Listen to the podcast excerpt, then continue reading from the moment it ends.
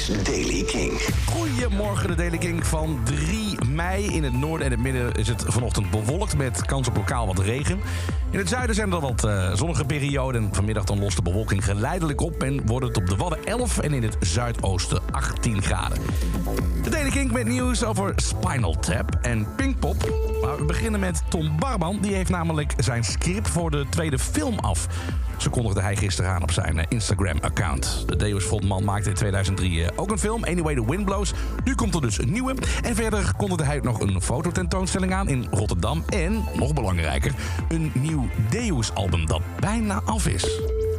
Helaas, dit is geen grap, maar de drummer van Spinal Tap is overleden. In de komische nep-rock documentaire This is Spinal Tap uit 1984 vormen de bizarre sterfgevallen van drummers van de fictieve band Spinal Tap een terugkerende grap. Maar goed, helaas is nu in het echt de voornaamste drummer, Rick Parnell van eh, de band, op 70-jarige leeftijd overleden. Parnell die speelde in de populaire documentaire de rol van Nick Shrimpton, die aan het eind van de film tijdens een optreden spontaan explodeert. Gevleugelde uitspraak van zijn personage was: As long as I have sex and drugs, I can do without rock and roll. Panel was voor deze acteerrol al uh, geruime tijd actief als drummer.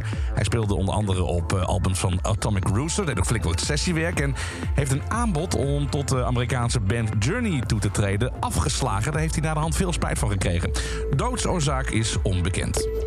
En Pinkpop komt dit jaar met iets nieuws: een non-stop silent disco.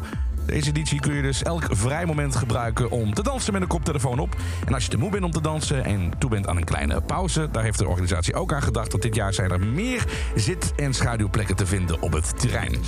De munten op Pinkpop 2022 worden wel een stuk duurder. Waar de bezoekers in 2019 nog 2,80 euro betaalden voor een consumptiebon, ligt de prijs tijdens de komende editie ergens boven de 3 euro.